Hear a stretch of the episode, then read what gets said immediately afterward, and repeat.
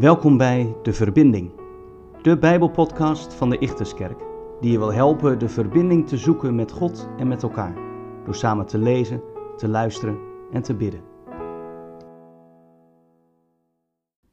Vandaag lezen wij Genesis 12, vers 10 tot en met 16. Eens brak er in het land hongersnood uit. Abram trok naar Egypte om daar tijdelijk te gaan wonen, want de hongersnood was zeer zwaar. Toen hij op het punt stond Egypte binnen te trekken, zei hij tegen zijn vrouw Sarai: Luister, ik weet heel goed dat jij een mooie vrouw bent. Als de Egyptenaren je zien, zullen ze denken: dat is zijn vrouw. En dan zullen ze jou in leven laten, maar mij zullen ze doden. Zeg daarom dat je mijn zuster bent. Dan kom ik er dankzij jou misschien goed vanaf en loopt mijn leven geen gevaar. En inderdaad, Abraham was nog maar nauwelijks in Egypte, of de Egyptenaren zagen dat Sarai een bijzonder mooie vrouw was. Ook de officieren van de farao merkten haar op. En ze vertelden de farao zo enthousiast over haar, dat hij de vrouw naar zijn paleis liet overbrengen. En vanwege haar werd Abraham door de farao met geschenken overladen.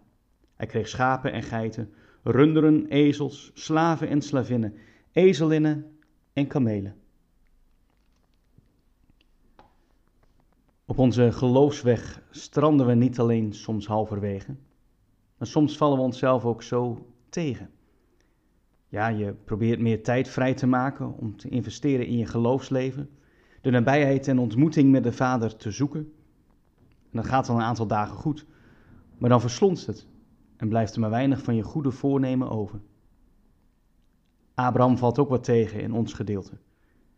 Als voorbeeld gelovige geeft hij gehoor aan de grote opdracht en met Gods beloftes in handen verspreidt hij licht in een donkere wereld.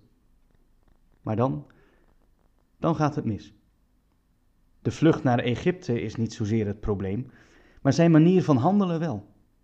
Om zijn eigen leventje te redden, speelt hij met het leven van zijn vrouw.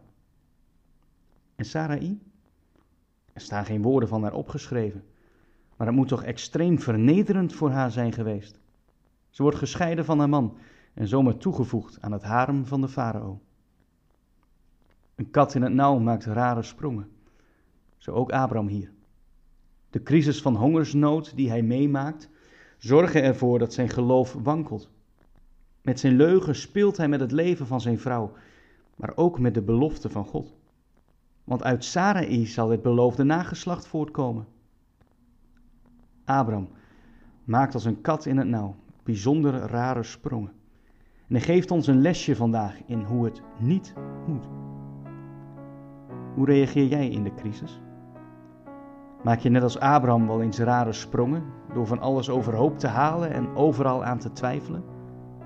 Of spring je juist in die veilige armen van Hem die ons lief heeft?